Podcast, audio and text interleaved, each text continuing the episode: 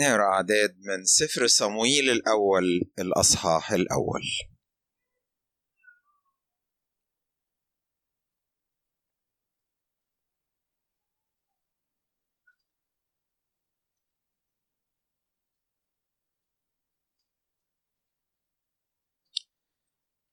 كان رجل من رامتايم صوفيم من جبل أفرايم اسمه ألقانا ابن يروحام ابن أليهو ابن توحو ابن صوف هو أفرايمي وله امرأتان.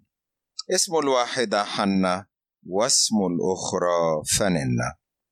وكان لفننة أولاد وأما حنة فلم يكن لها أولاد.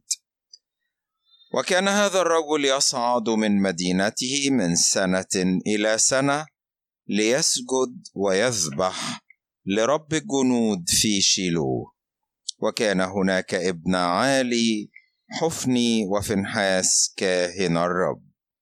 ولما كان الوقت وذبح ألقانا أعطى فنن امرأته وجميع بنيها وبناتها أنصبة وأما حنة فأعطاها نصيب اثنين لأنه كان يحب حنة ولكن الرب كان قد أغلق رحمها وكانت ضرتها تغيظها أيضا غيظا لأجل المراغمة لأن الرب أغلق رحمها. وهكذا صار سنة بعد سنة كلما صعدت إلى بيت الرب. هكذا كانت تغيظها. فبكت ولم تأكل. فقال لها ألقانا رجلها. يا حنة لماذا تبكين؟ ولماذا لا تأكلين؟ ولماذا يكتئب قلبك؟ أما أنا خير لك من عشرة بنين؟ فقامت حنة بعدما أكلوا في شيلو وبعدما شربوا. وعالي الكاهن جالس على الكرسي عند قائمة هيكل الرب وهي مرة النفس فصلت إلى الرب وبكت بكاء ونظرت نظرا وقالت يا رب الجنود إن نظرت نظرا إلى مذلة أمتك وذكرتني ولم تنس أمتك بل أعطيت أمتك زرع بشر. فإني أعطيه للرب كل أيام حياته ولا يعلو رأسه موسى. وكان إذ اكثرت الصلاه أمام الرب وعالي يلاحظ فاها. فإن حنة كانت تتكلم في قلبها وشفتاها فقط تتحركان وصوتها لم يسمع أن عالي ظنها سكرة فقال لها عالي حتى متى تسكرين؟ انزعي خمرك عنك. فأجابت حنة وقالت لا يا سيدي إني امرأة حزينة الروح. ولم أشرب خمرا ولا مسكرا بل أسكب نفسي أمام الرب. لا تحسب أمتك ابنة بليعال لأني من كثرة كربتي وغيظي قد تكلمت إلى الآن. فأجاب عالي وقال اذهبي بسلام وإله إسرائيل يعطيك سؤلك الذي سألته من لدنه. فقالت لتجد جاريتك نعمة في عينيك. ثم مضت المرأة في طريقها وأكلت ولم يكن وجهها بعد مغيرا. وبكروا في الصباح وسجدوا أمام الرب ورجعوا وجاءوا إلى بيتهم في الرامة. وعرف ألقانا امرأته حنة والرب ذكرها. وكان في مدار السنة أن حنا حبلت وولدت ابنا ودعت اسمه صموئيل قائلة لأني من الرب سألته. آمين. أسرة عاشت في آخر أيام حكم القضاء. فصمويل هو آخر القضاء القاضي رقم 14 لما نقرأ نفس سفر القضاة آخر القضاة تاريخيا كان شمشون وهو القاضي رقم 12 سفر القضاة كان الطابع العام ليه مفشل جدا حالة الشعب ارتداد عن الله وشعب الرب تركوا الرب وعبدوا سبع آلهة غريبة. وكان مع كل مرة يتحولوا عن الرب. الرب مش بايعهم والرب مش مفرط فيهم. الرب بيحبهم وعايز يستنهض عواطفهم ومحبتهم وتكريسهم ورجوعهم ليه فيضغطهم ولما يضغطوا كانوا يصرخوا إلى الرب. وأول ما يصرخوا كان الرب يقيم لهم القاضي الذي يخلصهم. مرات قعدوا سبع سنين لكن مرات طالت المدة أربعين سنة ومحدش بيصرخ. السفر يبتدي بفشل الشعب لكن ينتهي بفشل القاضي نفسه. ممثلا في شمشون جه بعديه عالي الكاهن القاضي رقم 13 وأخيرا جاء صموئيل إلى الساحة. بعد سنوات طويلة من الانحدار والجفاف كانت كلمة الرب عزيزة في تلك الأيام وكان سراج الله على وشك أن ينطفئ. في تلك الأيام عاشت هذه الأسرة القانا معناه الله اقتناني. أنا ملكه أنا مش حر نفسي. في فترة أسبق كانت أسرة أيضا تعيش في زمن القضاه وبرضه الراجل معنى اسمه إلهي ملك اللي هو مين؟ علي مالك رجل نعمي. بس شوفوا الفرق مهول ما بين الأسرتين. علي مالك رجل نعمي قاد العائلة. مش إلى الرب في شيلو حيث التابوت هناك لكن ليتغرب في بلاد مؤاب. جلب الدمار على نفسه وعلى بنيه. لأنه ما كانش في المشيئة الإلهية. أخذ قرارات متسرعة متهورة. هرب من الجوع. فمات في أرض الشبع لأنه ليس بالخبز وحده يحيا الإنسان بل بكل كلمة تخرج من فم الله. لكن ألقانا وهو ينحدر من عائلة تقية معاني الأسماء اللي, اللي ذكرت في مطلع السفر كلها معاني مباركة جدا وتدل على تقوى هذه العائلة.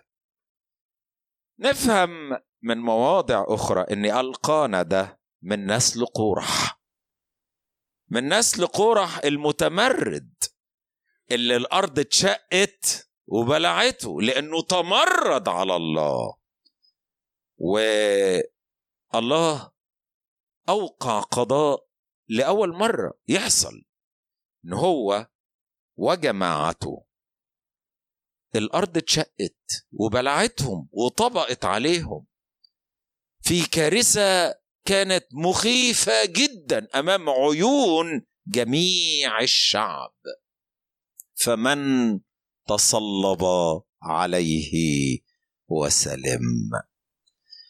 لكن يقول لنا الكتاب إن بني قورح لم يموتوا. النعمه استبقتهم وحفظتهم طلعوا كلهم خدام وكتبوا مزامير حلوة جدا. بني قورح بني قورح بني قورح. ومرنمين وحاجة تشرح. حاسين بالنعمة وبفيض النعمة. فكرسوا كل حياتهم وكل قواهم للرب. وإحنا صدقوني بقدر ما نشعر بفضل النعمة اللي كنا بنرنم عنها بإحسان الرب معانا. هذا يقودنا إلى حياة مكرسة. مديون أنا لحبك. راح أعيش حسب قصدك. وأحكي بمعروفك. واشكر جزيل كرمك. هعيش كل حياتي ممنون ومديون لمحبتك ولنعمتك. من نسل قورح جاء القانا شخص مؤمن حلو ارتبط بفتاة كانت زينة عصرها. حنة. وزي أي فتاة كبرت شوية ابتدت تبقى شابة.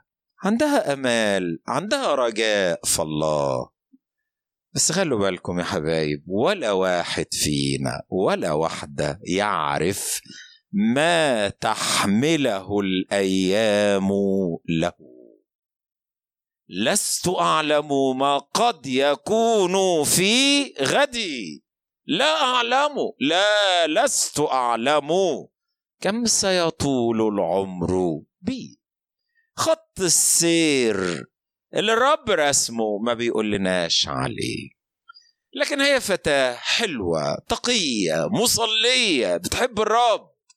حطت رجاها في الرب. وهي شابة صغيرة أقصى أمانيها. إنها ترتبط بزوج مؤمن فاضل تقي ويبقوا إيديهم في إيدين بعض في قارب واحد. لأجل بيت ناجح. يكرم الرب. هما الاتنين مع بعض. يخدموا الرب بكل قوتهم. ويعيشوا للرب. كانت هذه أمانيها المقدسة. ولما ارتبطت بألقانا وهو راجل مؤمن وحلو. حست إن الرب صنع معاها إحسان ورحمة وفرحت زي أي شابه لكن بعد فترات حست إن في مشكلة. المشكلة إنه مفيش أولاد. زي أي واحدة في الدنيا بتتمنى إنها تكون أم بعد ما صارت زوجة. مش بتطلب حاجة زيادة. وده في العهد القديم ده كان موضوع مهم قوي وبركة من بركات الله لشعبه الأولاد. وطبعا هي بركة في كل العصور بس بصفة خاصة بالنسبة لبتوع العهد القديم لأنهم أرضيين والميراث أرضي الابن الوارث كانت حاجة مهمة قوي بالنسبة له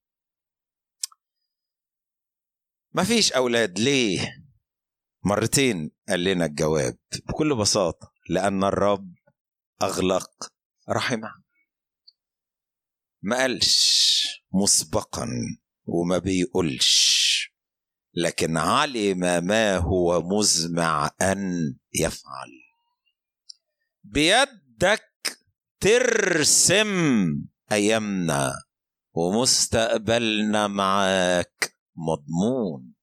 راسم كل العمر وعارف كل الخير لحياتنا منين؟ لما بنتعب وحدك شايف تقدر تسند ما انت معين. مين اللي قفل؟ مين اللي فتح صاحب السلطان. عارف كل الخير لحياتنا منين؟ إحنا لا نختلف على إن الشخصية دي متميزة جدا ولامعة جدا وتقية جدا على صفحات العهد القديم. في زمن رديء جدا بتلمع. بس عارفين هي بالحلاوة دي كلها ليه؟ لأنها دخلت في مدرسة الألم والحرمان والتدريبات الإلهية. وأي واحد الرب بيحبه ليه قصد خاص إحنا مش كلنا زي بعض. بس ساعات الرب كده يبص وينشن ويختار وهو حر. اختار واحدة يختار واحد يبقى ليه قصد خاص في حياته. وضامن إنه يكمل. وراسم خطة صالحة مش هتفشل. بيشرف عليها يوما فيوما بنفسه. وبيتحكم في الأحداث. اللي هيجمل اللي هيكبر اللي هيخلي صورة المسيح تنعكس على هذه الشخصيات الألم. من غير ما تعرف ليه حست إن في مشكلة. وكانت أول صدمة. وهي لسه صغيرة شابة صغيرة. لكن الصدمة الأكبر إن جوزها اللي المفروض إنه مؤمن وتقي وحلو. خالف ترتيب الله. هو بيحبها ولا مش بيحبها؟ هو بيحبها بشهادة الكتاب. بس هو بيحب نفسه أكتر وعايز يحل مشكلته وملوش دعوة بالناس ولا باللي حواليه. الأنانية التي تسيطر وأحيانا نشوفها في المؤمنين. الرب يدينا أن نتحرر من التمركز حول الذات ورغباتها. أنا احتياجاتي رغباتي. ما أتمناه. ده نمرة واحد. الحقيقة مش كده خالص. والمسيح علم الدنيا العطاء. صدقوا واحد عاش رحلته كلها على الأرض. ولم يفعل شيئا واحدا لنفسه. ولا مرة واحدة ولا حاجة واحدة عملها لنفسه. يجوع.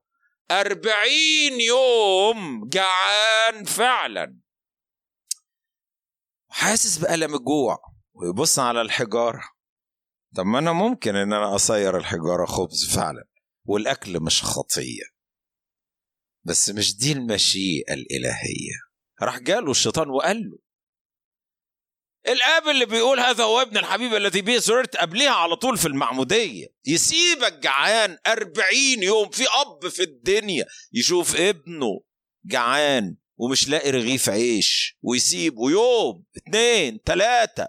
أربعين يوم ما تصدقش هو ما بيحبكش. هو رماك في البرية وسابك جعان. بس إن كنت ابن الله يبقى تقدر. تقدر إنك تصير الحجارة. خبز. عملها؟ لا. جه في إنجيل لقى يقول فكرة تاني. طب بلاش كل الحجارة. إيه رأيك؟ حجر واحد رغيف واحد. قل هذا الحجر. مش لازم يعني تبقى حاجة كبيرة لكن بسيطة. اعمل حاجة صغيرة. حجر واحد رغيف واحد كل والأكل مش خطيه أيوه الأكل مش خطيه بس الآب مش عايزني أعمل كده الاستقلال عنه هو اللي خطيه فعل الإرادة الذاتية المستقله عن ما قاليش. لكن أنا بحبه لشخصه مش عشان بيديني أو ما يدينيش. فشخص عاش لا لنفسه لكن ليشبع احتياجات الآخرين اللي شبع الجموع خبز. آلاف أكلهم بمعجزة الخبز والسمك. لنفسه لم يعمل شيئا واحد لم يفكر في نفسه لم يرضي نفسه لم يمجد نفسه. اطلاقا لم يفعل شيئا لأجل نفسه. أخلى نفسه وضع نفسه سكب للموت نفسه. طب ما تيجي تصلي ألقانا وتركع جنبيها أنت شايف دموعها وشايف وحدتها وشايف ضغطها وهي بتصلي وتسكب نفسها. تعال جنبيها وصلي معاه الكتاب ما يسجلش ولا مرة إنه عمل كده. الأسهل إنه يصلي ويوجه صلاته وينتظر ولا الأسهل إنه يروح يتصرف من بره لبره أصعب حاجة على الجسد إنه ينتظر. عشان كده الترنيمة بتقول علمني. ده درس صعب. علمني أنتظرك يا رب. مزمور خمسة أوجه صلاتي نحوك وأنتظر فيش حاجة في إيدي غير إني أوجه وأنتظر هو بدل ما يعمل كده اتصرف وراح جاب واحدة. وربما قلب في التاريخ اللي قبليه وقال لك وأنا أجدع من أبويا إبراهيم. ما ابويا إبراهيم راح عمل كده. وغيره عمل كده. طب وهي كانت تجارب ناجحة ولا تجارب فاشلة محزنة جلبت متاعب؟ ملهاش أول ولا آخر. طب سألت الرب أعمل كده ولا ما أعملش كده؟ لا ما سألش الرب. نفسي نعتاد إننا نسأل الرب. إحنا متعودين نتصرف وكل واحد يسلك روحه. نفسي بقى نغير المعتاد ونعتاد التغيير.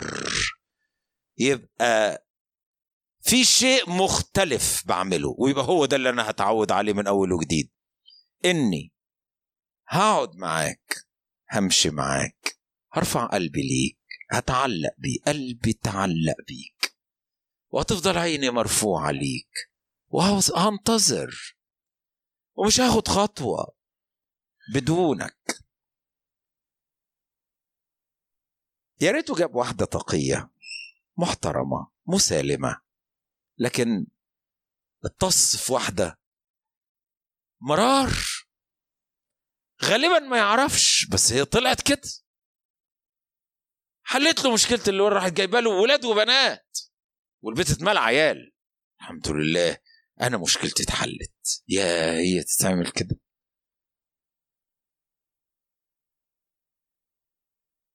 خلق مشكلة كبيرة. لوحدة صنعت له خيرا لا شرا. كل الفترات اللي فاتت وظلت هكذا طول الحياة بتصنع خيرا لا شر. أميرة متضعة. ما قالتلوش ليه عملت؟ بس نندهش من حاجة تانية وربما كانت صدمة أخرى لحنا نفسها. إن الرب إدى لدي الشريرة أولاد وبنات. وفضل قافل على التقية المصلية. محيرة؟ طبعا محيرة. وهو بيعمل حاجات محيرة؟ معظم الحاجات اللي بيعملها محيرة. مفيش حاجات دايركت كده بسيطة كده لا. لأنه أفكاره ليست كأفكارنا إطلاقا. كما ارتفعت السماء عن الأرض. بيفكر بطريقة مختلفة تماما. بس ما نخافش منه. ما بيغلطش أبدا ما بيأذيش أبدا ما بيغدرش أبدا ما بيسحقش أبدا ما بيعملش حاجة يحطم بيها إنسان. ده لا يمكن يعمل كده. حاشا في يوم إنك تأذينا كل الخيرنا مهما كان المختبر فاهم كده. توالت الصدمات المحيرة. وما فيش في إيديها حاجة. شوفوا دروس المذلة المذلة معناها إن أنا محطوط في وضع ماليش يد فيه. أنا ما عملتوش. أنا ما غلطتش. هو كون الرب قفل. هي عملت حاجة؟ هي ما عملتش ولا حاجة. إيه الغلط اللي هي عملته؟ ولا حاجة. بس الرب قفل. طب يعني دي حاجة براية أنا ما عملتش كده عشان أوصل للوضع ده. ولا حاجة تنفع أعملها تطلعني من الوضع ده. دروس المذلة. لأنك جربتنا يا الله أدخلتنا إلى الشبكة. مشى الأمور بالشكل ده عشان يضغط. والضغط ده هو اللي بيطلع أحلى الثمار وأحلى النتائج. بس دعونا نحتمل. ونخضع. أخضع لك ربي واصبر وانت حكمك صحيح. ما كانش هو ده التفكير ولا هو ده التوقع بس انت عملت كده. وإنني راض وصابر راض وشاكر راض بما يرضيك للنهاية. همشي معاك الرحلة بحلها. واستنى إرادتك لآخرها. واعرف إيه قصدك في حياتي وافهم معنى آلامي في خيرها. احتملت وضع عائلي غلط معها ضرة. هذا لم يكن من البدء وليس بحسب ترتيب الله إطلاقا. وبحكمة الرب فتح رحم فنن وقفل رحم حنة حنة معناها نعمة أو جمال. وأيضا تعني انحناء.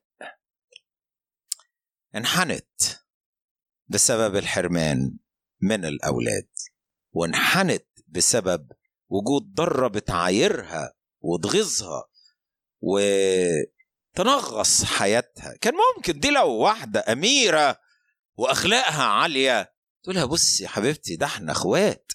ده إحنا مع بعض وفي بيت واحد ولادي هم اولادك اوعي تحسي في أي يوم إن أنا حاجة وانت حاجة. إحنا هنربيهم مع بعض ويقولوا لك يا ماما زيي بالظبط ولا تحس ولا تاخدي في بالك. عملت كده؟ لا.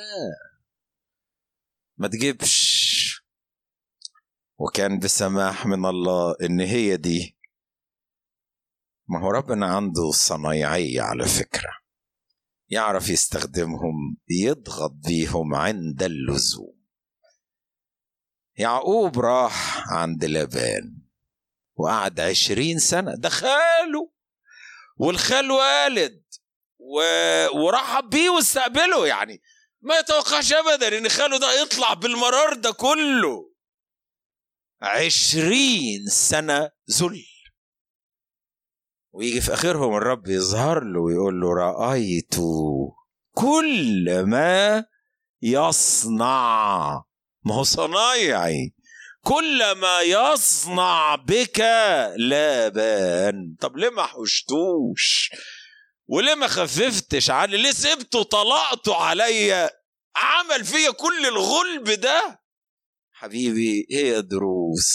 انت هتعرف بقيمتها بعدين. ما كنتش هتتظبط. ما يا ريتك كنت تنفع تتظبط بوعظة. ما هو الرب وعظه قبل كده ما استفادش. والعوج بيكمل عادي جدا. طب ماشي. ما دام ما بنستفدش بالراحة عنده بقى صنايعية أكتر من ضمنهم فننة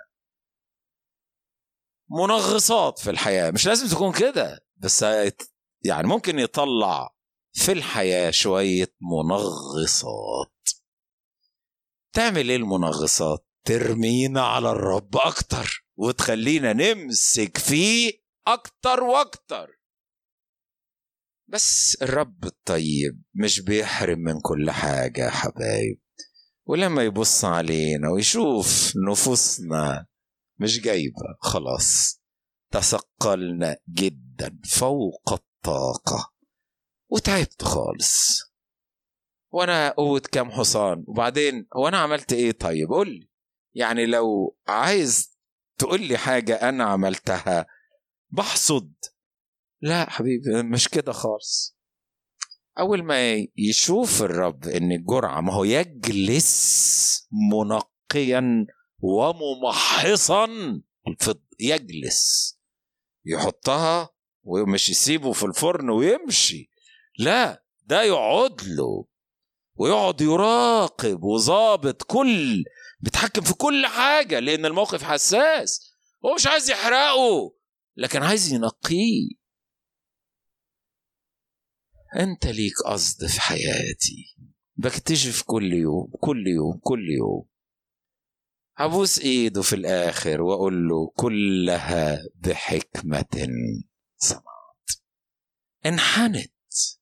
بس الانحناء ده بيطلع أحلى النتائج. عارفين القوس لما يتشد جامد قوي بينحني بس يطلع السهم بقى قوي جدا ومندفع بقوة جدا. وده اللي حصل هنا في صلاة حنة. على أن الرب لا يحرم من كل شيء. عنده لمسات رقيقة حانية. يضغط بعمق يلامس بحنان. فالكتاب يروح قايل لنا حاجة مشجعة حلوة. كان ألقانا يحب حنّا.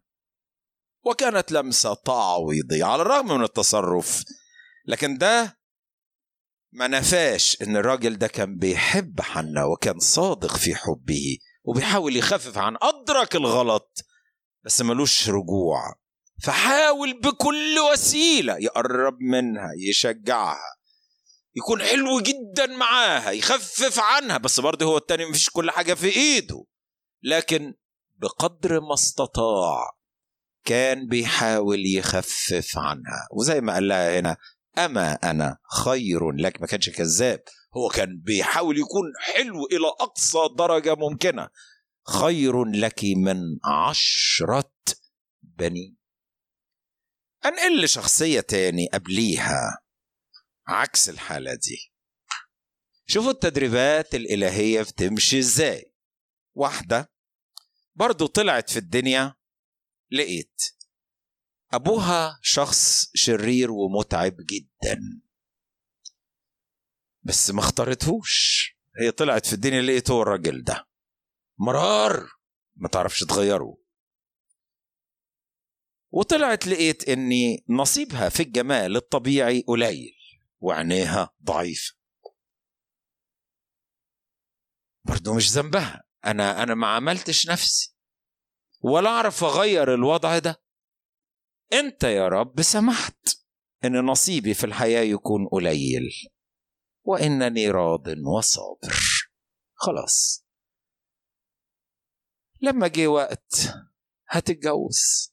قالت يا رب أحمدك نظرت إلى مزلتي وهتكرمني بزوج أطلع برا الحتة دي أنا تعبت من الراجل ده وعايز أبتدي حياتي وصفحة جديدة ينسيني ويعزيني عن كل المآسي بقى وابتدي رحلة جديدة مع الراجل ده. طلع الراجل ده ما بيحبهاش مش بس ما بيحبهاش بيكرهها. وبيحب رحيل. طبعا مين الشخصية دي؟ ليلى اللي في إيدي إيه ذنبي؟ ولا حاجة خالص. بس شوفوا بقى مين أحلى واحدة في البيت ده كله هي دي. هي دي ب ب من غير كلام. الرب يبص عليها كده. رأى الرب أن ليئه مكروهه فتح رحم. جوزها ما بيحبهاش عكس حنا. جوزها ما بيحبهاش فتح رحمها واداها ولد. فرحت بالولد؟ لا فرحت بحاجة أحلى من الولد. فرحت إن الرب قد نظر. أنت بتبص عليا. جوزي ما بيبصش عليا. أنت بتبص على واحدة غلبانة زيي مكروهة. ده فيش حد. كلهم كانوا بيبصوا على أختي لأن هي الحلوة. أما أنا ما حدش بيبص عليا ولا يبص في خلقتي. الكبير العظيم من السماء يبص على الغلبانة والمكروهة والمحرومة. إيه ده؟ ده كتير قوي عليا. الرب قد نظر إلى مزلتي فأعطاني مش أنا جبت ولا أنا خلفت لا. أعطاني الابن ده. الرب قد نظر. أنت يا رب شايف. من غير أنا ما أتكلم أنت شايف. وده تدريب روحي. لما نرفع عينينا على السماء نلاقي اللي في السماء باصص علينا. واللي في السماء بيراقب الموقف وبيتابعنا. يا إلهي أنت تعلم. ضعف نفسي كم يكون. إنما في الضعف أنت تحيي روحي بل تصون. ظنت إن الطفل الأول هيربط بينها وبين جوزها ويحل المشكلة خاصة إن أختها عاقر أنا اللي جبت له الابن الأول. بس بالأسف موقف يعقوب ما تغيرش. ربما ازداد سوء لسبب لا نعلمه فابتدت التنهدات تطلع. وابتدت تسكب شكواها قدام الرب. راح الرب اداها ولد تاني سمته شمعون وقالت ده انت مش بس شايف ده انت كمان سامع. بتسمع صراخ المسكين أنين الأسير تأوه الودعاء. بتسمع يا حبيبي. الأنات الضعيفة. أنا أشتكي لمين؟ هقول لمين؟ ينفع أرجع لأبويا؟ طبعا ما أرجعش لأبويا. طب هروح ليعقوب؟ طب ما هو يعقوب هو اللي عامل كده. هروح لمين غيرك زي ما كنا بنرنم؟ أنت المريح. آتي إليك. أنت المريح. ماليش في الدنيا غيرك. بسكب شكوايا قدامك. وانت بتسمع يا حبيبي. فيش حد على الأرض هيسمع لي بس انت من السماء بتسمعني. وكانت تعزية قوية جدا. إن انت شايفني انت سمعني انت قريب جدا ليا. انت دوائي وطبيبي وحبيبي ونصيبي. انت التعويض. جابت ولد تالت. وقالت ده أنا جبت له ثلاث بنين الان يقترن برجلي. أنا مش بطلب حاجة زيادة. أنا مش بفتري. ده أنا الحد الأدنى البسيط جدا الطبيعي جدا. شوفوا اللي يزعل أحيانا إني البسيط والطبيعي. عادة الرب ما بيحرمش من البسيط والطلب البسيط. لكن لما أحيانا ده نفسه يبقى مش موجود. ويتعقد. يبقى صعب قوي بقى. وأنا طلبت حاجة. ده أنا بطلب أبسط شيء. يعني ما كانش عندها النور اللي تيجي تقول له أنا بطلب مجدك. وريني مجدك. لكن أنا بطلب أبسط الحقوق الطبيعية. وده نفسه مش موجود لفترات. مفيش في إيديها حاجة. لكن الرب كان عايز يوصلها إلى حاجة. اداها الابن الرابع واداها فهم بقى. إنه مش يعقوب. أنت عشتي حياتك كلها حاطة كل أمالك وكل رجائك في يعقوب. بس أنا عايز أقول لك يخيب الرجاء في الإنسان. ممكن الإنسان يبقى هو اللي وحش وممكن لو حلو يبقى مش موجود بعد شوية. فيا إما الوفاء مش موجود يا إما البقاء مش موجود. أيام يوسف كان الوفاء موجود. أنا اعولكم واعول أولادكم بس البقاء مش موجود. فبعد شوية صغيرين قال لهم أنا هموت. أنا هموت. هم كانوا خايفين منه إنه يغدر بيهم. قال لهم لا يا حبايبي ده أنا وافي جدا ليكم. ما تخافوش. هعولكم واعول أولادكم. بعد شوية أنا هموت يعقوب. ما كانش هيتصلح. في التوقيت ده. بس على فكرة تصلح بعدين. وحب لا دي نفسها بس متأخر. آه الرب قال لها بقى إنه أنا مش يعقوب. اللي هسدد احتياجاتك. اللي هشفي جروحك اللي هملى فراغاتك اللي هشبع عواطفك اللي هسندك. بدل ما تستند على يعقوب هتستند عليا. وأنا مش وحش وأنا مش صغير وأنا مش قليل. وأنت هتعرفي إنه أنت عايزة يعقوب. طب تعالي شوفي أنا هعمل معاكي إيه؟ فلما خلفت الرابع قالت يهوذا هذه المرة مختلفة. اتعلمت قد فهمت الدرس. درسا للزمان. هذه المرة أحمد الرب أقدر أرنم لأول مرة. أقدر أسبح أقدر أحمد أقدر أفرح. مش بيعقوب لكن فرحي فيك فرحي فيك فرحي فيك. لا ينتهي. أنا هفرح بيك. مش بيعقوب علشان انت بتكفيني. أنا ههتف ليك علشان انت بتحميني. مش مستني يا ربي موقف راح يفرحني أو مستني كلام هيطمني ويسعدني أو مسنود على ناس تتغير وتجرحني وأرجع لك من تاني علشان تشفي وتشبعني. إن مضى الأهل ستبقى أنت لي تضمني.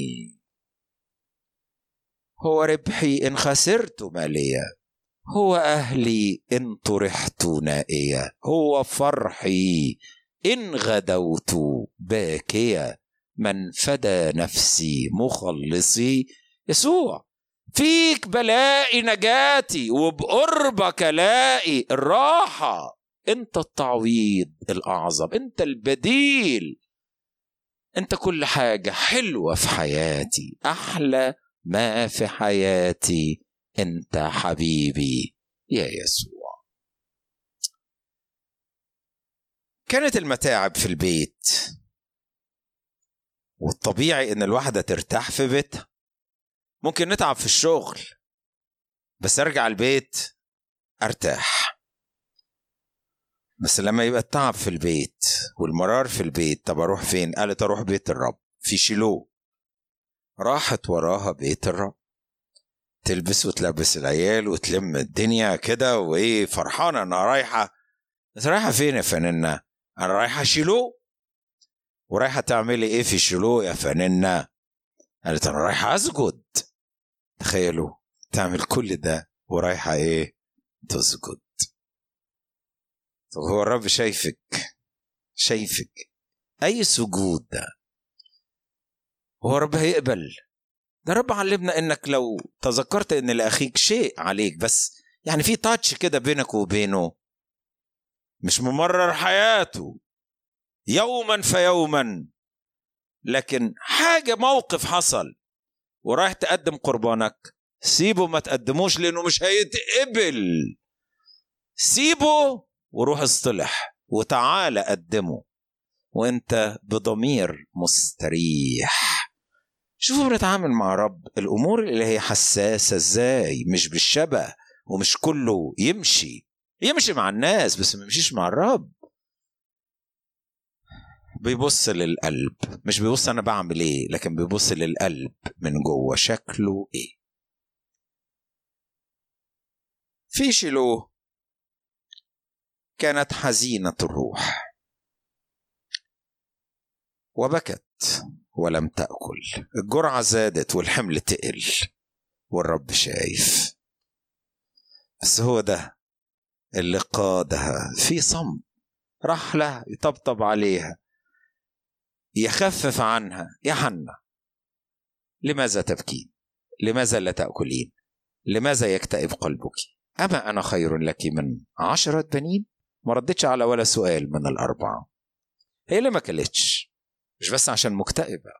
دي ست محترمة جدا. ده في وصية في تثنية 26 بتقول لم آكل منه في حزني. وانت قارية سفر التثنية وقارية سفر اللويين جت تاني في اللويين. دي مفلية الأصفار. ده حافظاهم صم دي عايشة بيه بتحيا بكل كلمة. يمكن لو الظروف مرتاحة. مش هروح للكتاب بالطريقة دي. واقعد مع الكتاب واقعد مع الرب وأقلب في الكتاب وأشوف مواقف وأشوف دروس وأشوف تعليم وأشوف ناس عدوا قبلية. عملوا إيه؟ والرب عمل معاهم إيه؟ فأتشجع. كلما كتب كتب لأجل تعليمنا. إحنا بنستفيد. الكلام ده يتعاش. كلام يتعاش لما أجي في موقف مفاجئ. الرصيد اللي جوه يا إخوة هو اللي يطلع على السطح immediately من غير ما أفكر. المخزون يطلع والردود تطلع لأن الكلام ده عايش جوه. إحنا بنعيش بالمواعيد. ربنا عايش على مواعيدك. مش مسنود على أي عيان. ثقتي هتصنع وهتتمجد. وأنا منتظرك بالإيمان. سحبت نفسها وراحت. ماليش إن أنا أشتكي لك لأن أنا عارفة إن أنت مفيش في إيدك حاجة. بس أنا رايحة للكبير. وراحت فعلا للكبير اللي هي عارفاه ومالية إيدها منه. إن أثقلت راسي الهموم. أو إن بدت شقاوتي أجري إليك أرتمي فحضنك وسادتي. وهي معدية بقى شافت منظري. محبطين جدا. المنظر الأولاني عالي. الكاهن جالس على الكرسي. كبر في السن شيخ. بس الدنيا كلها متلخبطة ومتلطشة معاه. أولا مفيش كراسي في خيمة الاجتماع.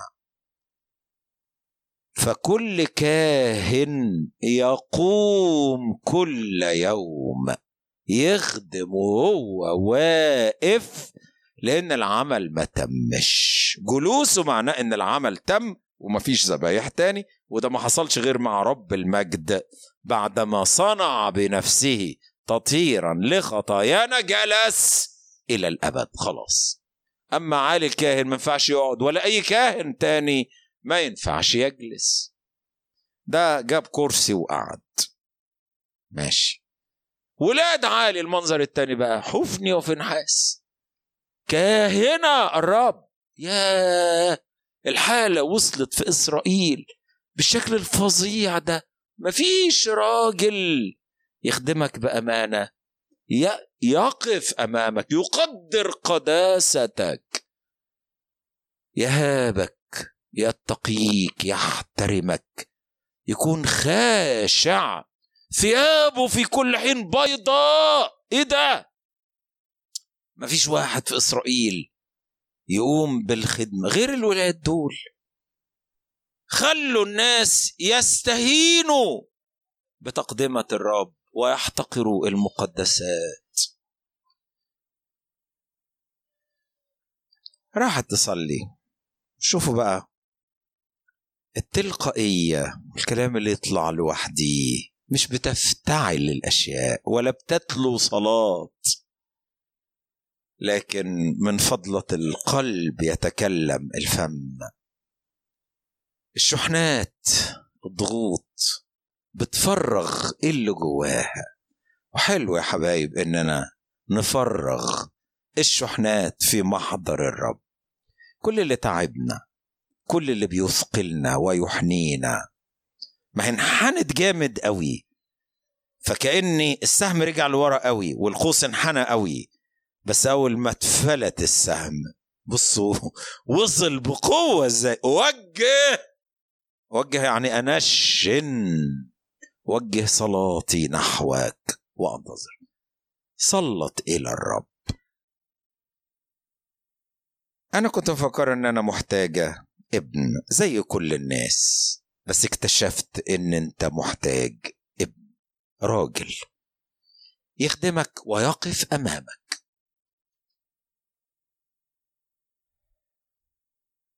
أنا مش هتفرق معايا كتير أنا أقدر أتعايش بس ما ينفعش إنه يكون هما دول اللي بيخدموك.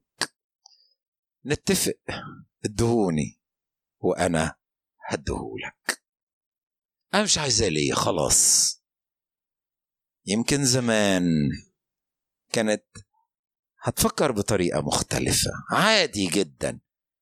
الأولاد دول كأنهم ملكية خاصة بس المرة دي لا.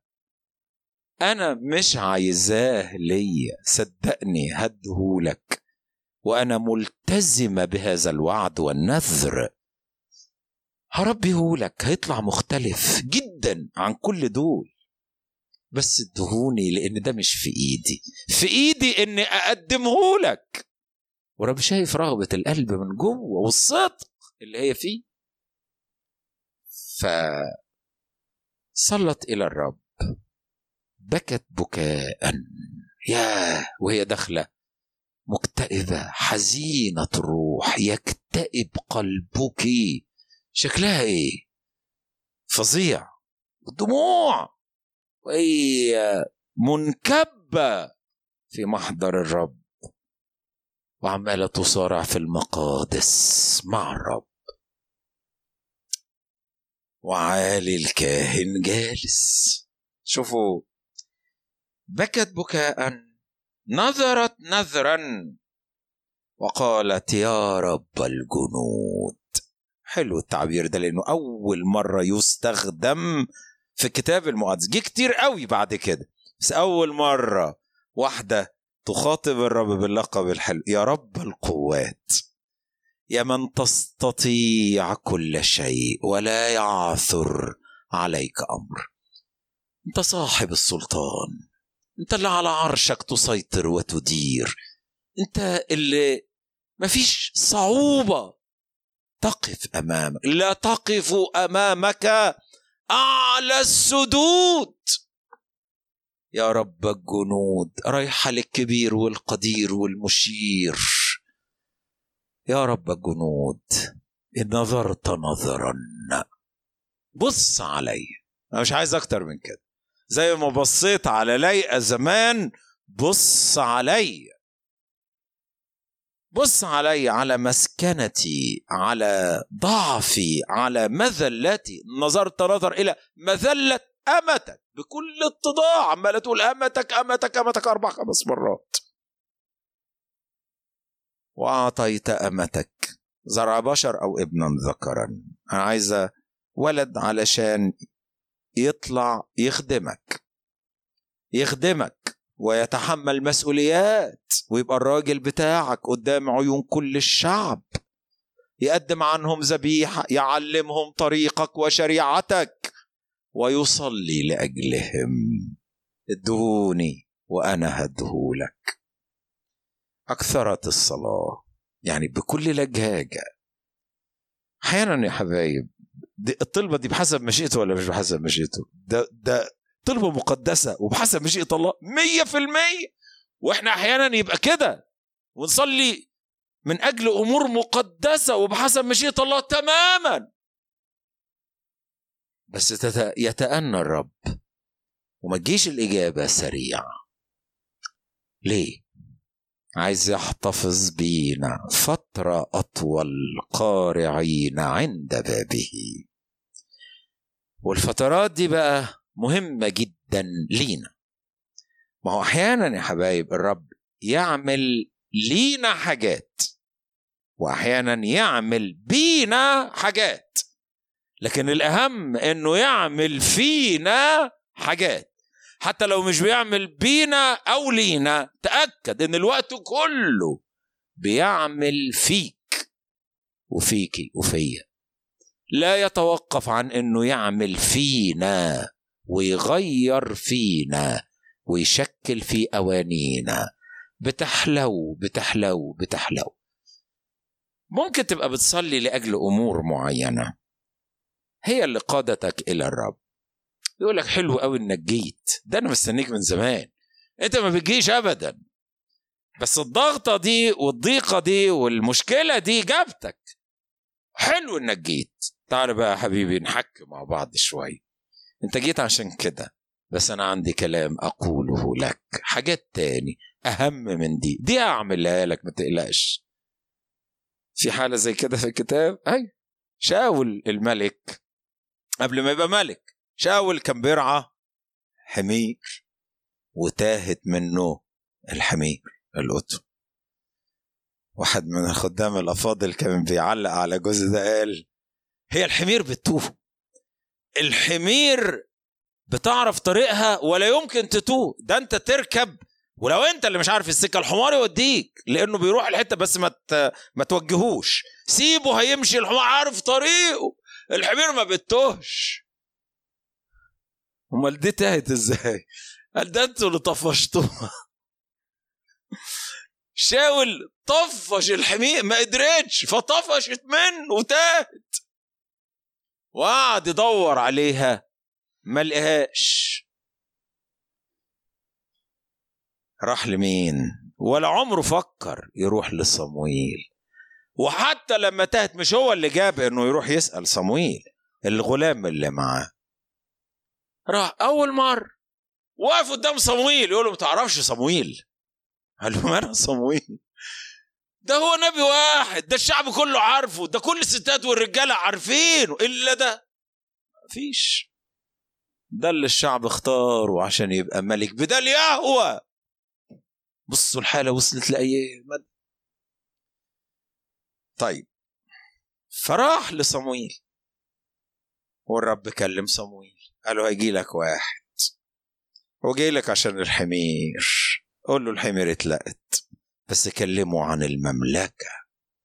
شوف يا حبيبي ممكن تروح له عشان ما يشبه الحمير عندك احتياج ماشي. ما يعني ما هو ملوش حل.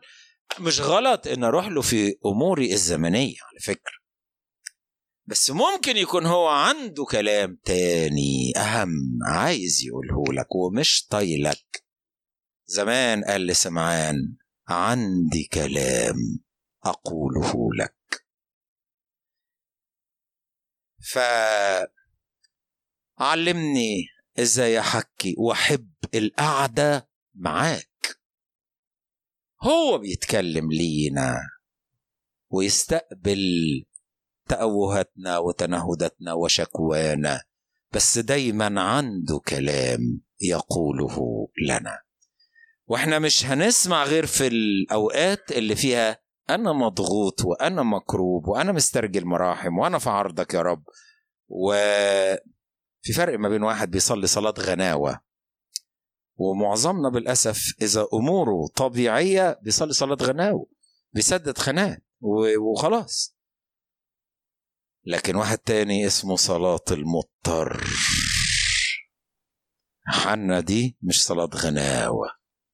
أكثرت الصلاة أمام الرب.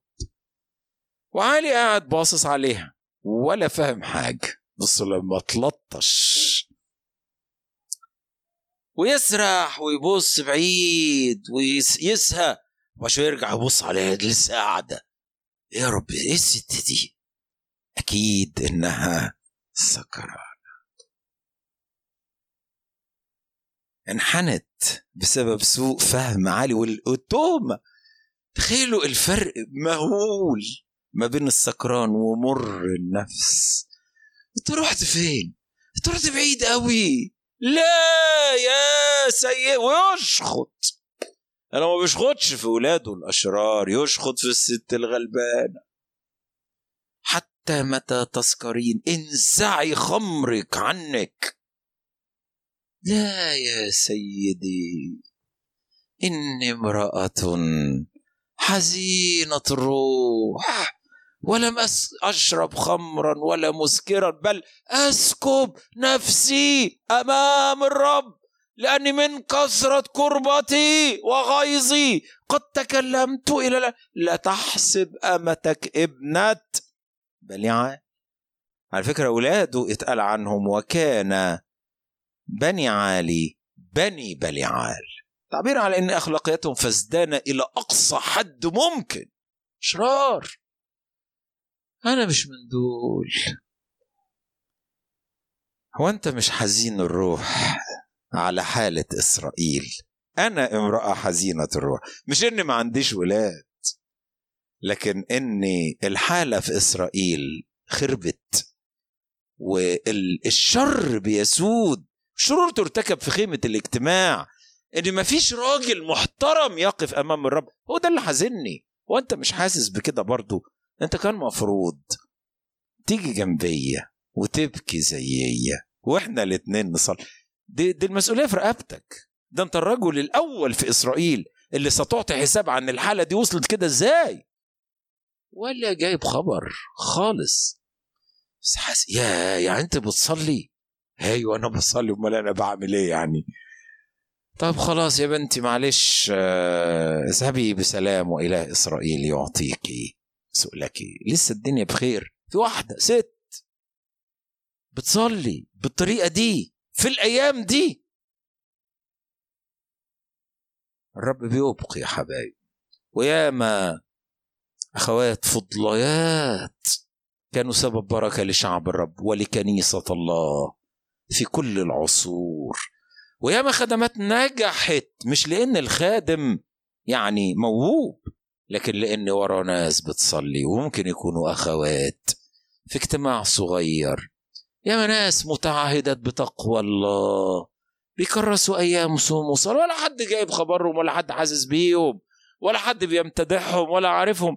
في أماكن مستترة بينفردوا مع الرب ويصرعوا في المقادس. مش من أجل أنفسهم لكن من أجل حالة شعب الرب. من أجل نفوس مسكينة حطمها العدو. من أجل ناس مكسورين. ده أنا لو هبص واستعرض حالة القطيع مش هنقوم من محضر الرب صدقوني من كترة الحاجات اللي ترمينا وتخلينا متشعبطين. مش نصلي صلاة غناوة ولا نتلو صلاة ولا نقول كلمتين ونطير حاجتنا جميعا إننا ندخل مخادعنا نغلق أبوابنا نرفع تضرعات اصلك سامع. قلبي الضارع قلبي اللي اشتاق لحضورك. خدته من فمه طبعا مش من الستات القواي اللي هم يعرفوا يردوا لما بيقول لها انزعي خمرك وحتى متى تسكرين؟ ما قالتلوش روح شوف ولادك بيعملوا إيه. وهي عارفة وشايفة والناس كلهم عارفين. ما طلعتش من بقها لأنها أميرة ومسترجيه المراحم. أنا مضغوطة أنا مكسورة أنا مذلولة أنا مسكينة بالروح. أنا مش مشكلتي إن أنا أوبخ الراجل ده خليه هو ربنا يصطفوا مع بعض. دي مش قضيتي خالص. هو أسائك وهو جرحك. طب قولي حاجة. لا مش هقول أي حاجة. حلو إننا حتى لو اتضغطنا بالغلط وأسيء فهمنا سيب الأمور في إيد الرب وخدها من إيد الرب. موجة ضغط جديدة جاية لك. لا على البال ولا صحيح أنت مش ناقص بس إذا بعت لك جرعة إضافية ما تزعلش منه. بيعجبني بقى داوود. في صمويل الثاني وهو هربان من أبشلو. وطلع له شمع بن جيرة. هي ناقصة. يعني حتة واحد. هم في محنة حقيقية. وحياتهم كلهم معرضين للخطر ومتمررين. والدموع في عينيهم. طلع لهم واحد. ما يسواش كده طلع على الطريق ودول ماشيين مكسورين. يسب داوود ويرشق داوود بالحجارة ويهيل التراب عليه ويقول كلام غلط. ما هو يا ريته بيقول كلام حق. ده بيقول كلام غلط. اخرج يا رجل الدماء. قد رد الرب عليك دماء بيت شاول. بص بعد كده إيه ده؟ إيه الراجل ده؟ وجبابرة وأنفسهم مرة. يعني مش ناقصين خالص. جايين في توقيت كل واحد فيهم مش مستحمل. لماذا يسب هذا الكلب الميت سيد الملك؟ دعني أعبر وأقطع رأسه. قال له أيوة روح اقطع رأسه؟ لا. سبوه. دعوه يسب. لأن الرب قال له سب داود ومن يقول له ماذا تفعل؟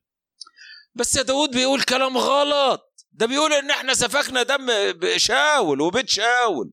يا عم ده إحنا عفينا عن شاول كذا مرة. وكان في إيدينا نموته وما نموته. و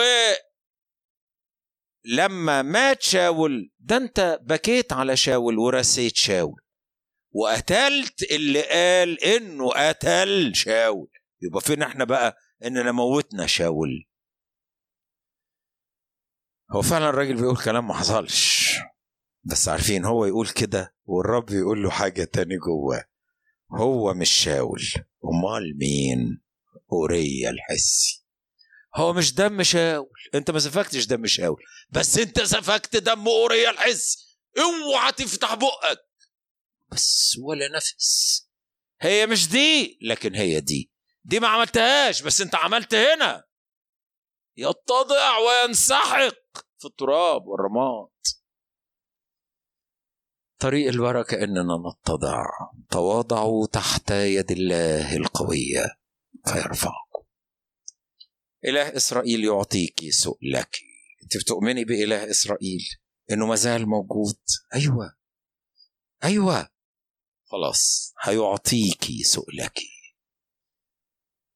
لتعلم طلباتكم لدى الله. وإيه كمان؟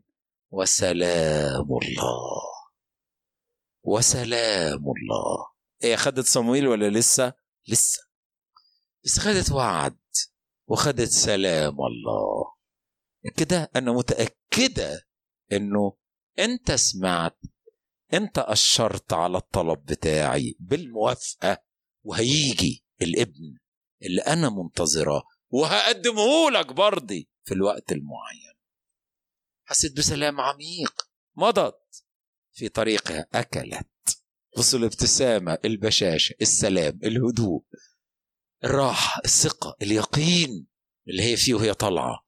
بصوا دخلت إزاي وطالعة إزاي. لينا إله عظيم بيسمع وبيصنع لكل من ينتظروه. علمني أنتظرك يا رب عرفني رؤيتك للدرب.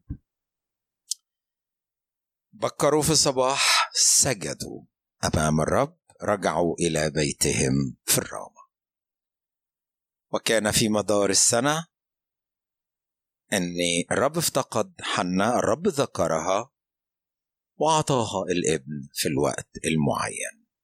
فرحت بيه. إنه عطية من السماء إنه استجابة للصلاة وللدموع. وإن ده هيكون مختلف مختلف. كان ممكن جابته بدري بدري بس ما كانش هيطلع صمويل. كان يطلع واحد تاني خالص زي أي عيل كده خيبان لا مؤاخذة. بس ده بقى لا ده صناعة إلهية.